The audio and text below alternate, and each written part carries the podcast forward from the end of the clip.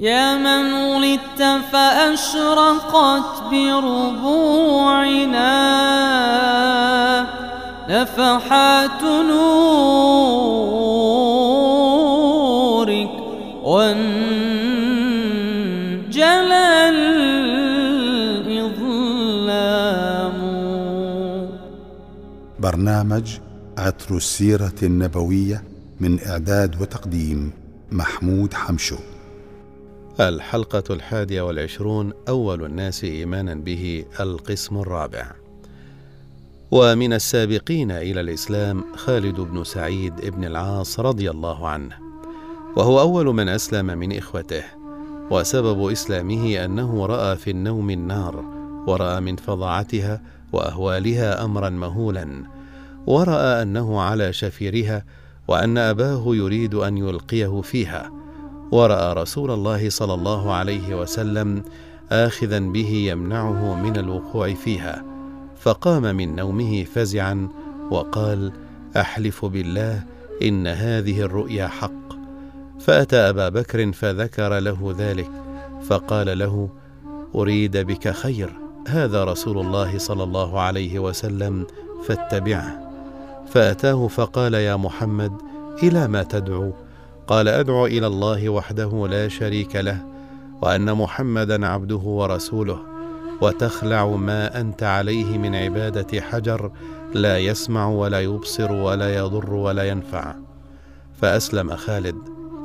وعلم أبوه أبو أجيحة وكان من عظماء قريش فأرسل في طلبه فانتهره وضربه بمقرعة كانت في يده حتى كسرها ثم قال اتبعت محمدا وأنت ترى خلافه لقومه وما جاء به من عيب آلهتهم وعيب من مضى من آبائهم؟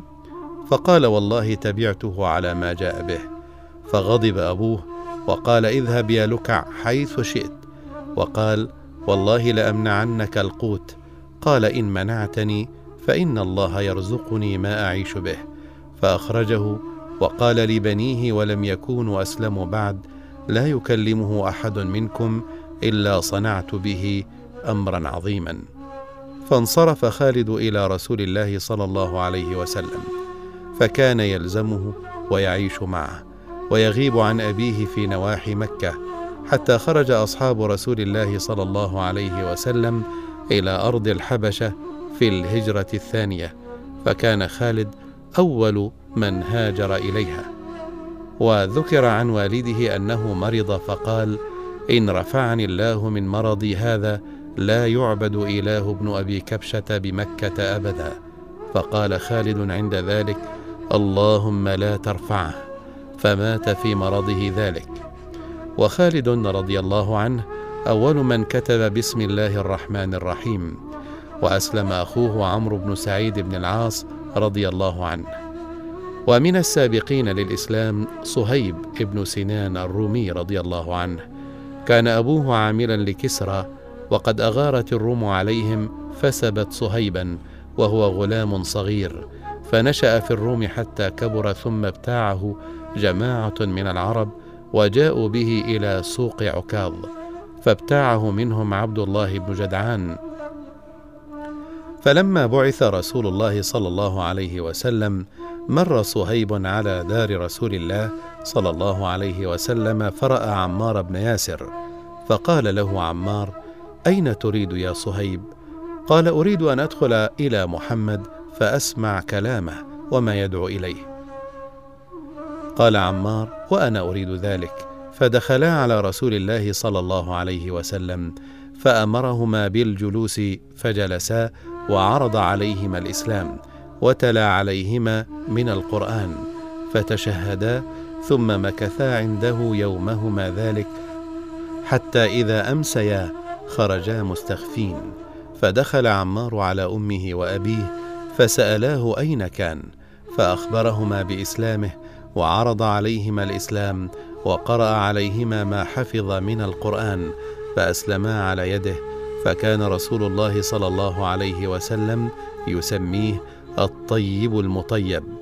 وأسلم أيضا حسين والد عمران بن حسين رضي الله تعالى عنهما بعد إسلام ولده عمران.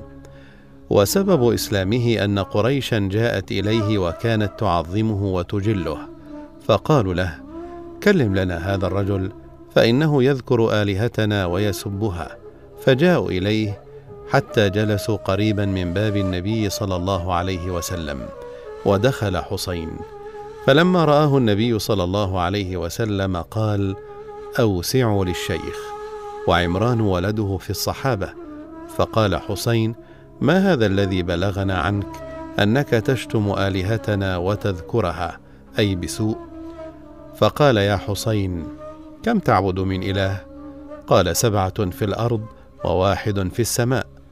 قال فإذا أصابك الضر لمن تدعو؟ قال الذي في السماء. قال فإذا هلك المال من تدعو؟ قال الذي في السماء. فقال صلى الله عليه وسلم فيستجيب لك وحده وتشرك معه. أرضيته في الشرك؟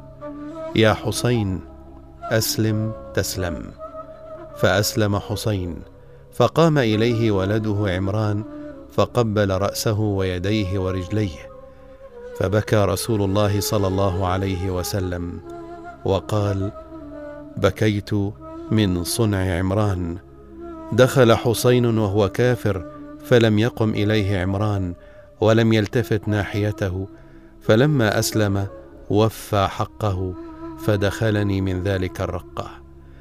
فلما أراد حسين الخروج قال رسول الله صلى الله عليه وسلم لأصحابه شيعوه إلى منزله. فلما خرج من سدة الباب رأته قريش فقالوا قد صبأ وتفرقوا عنه.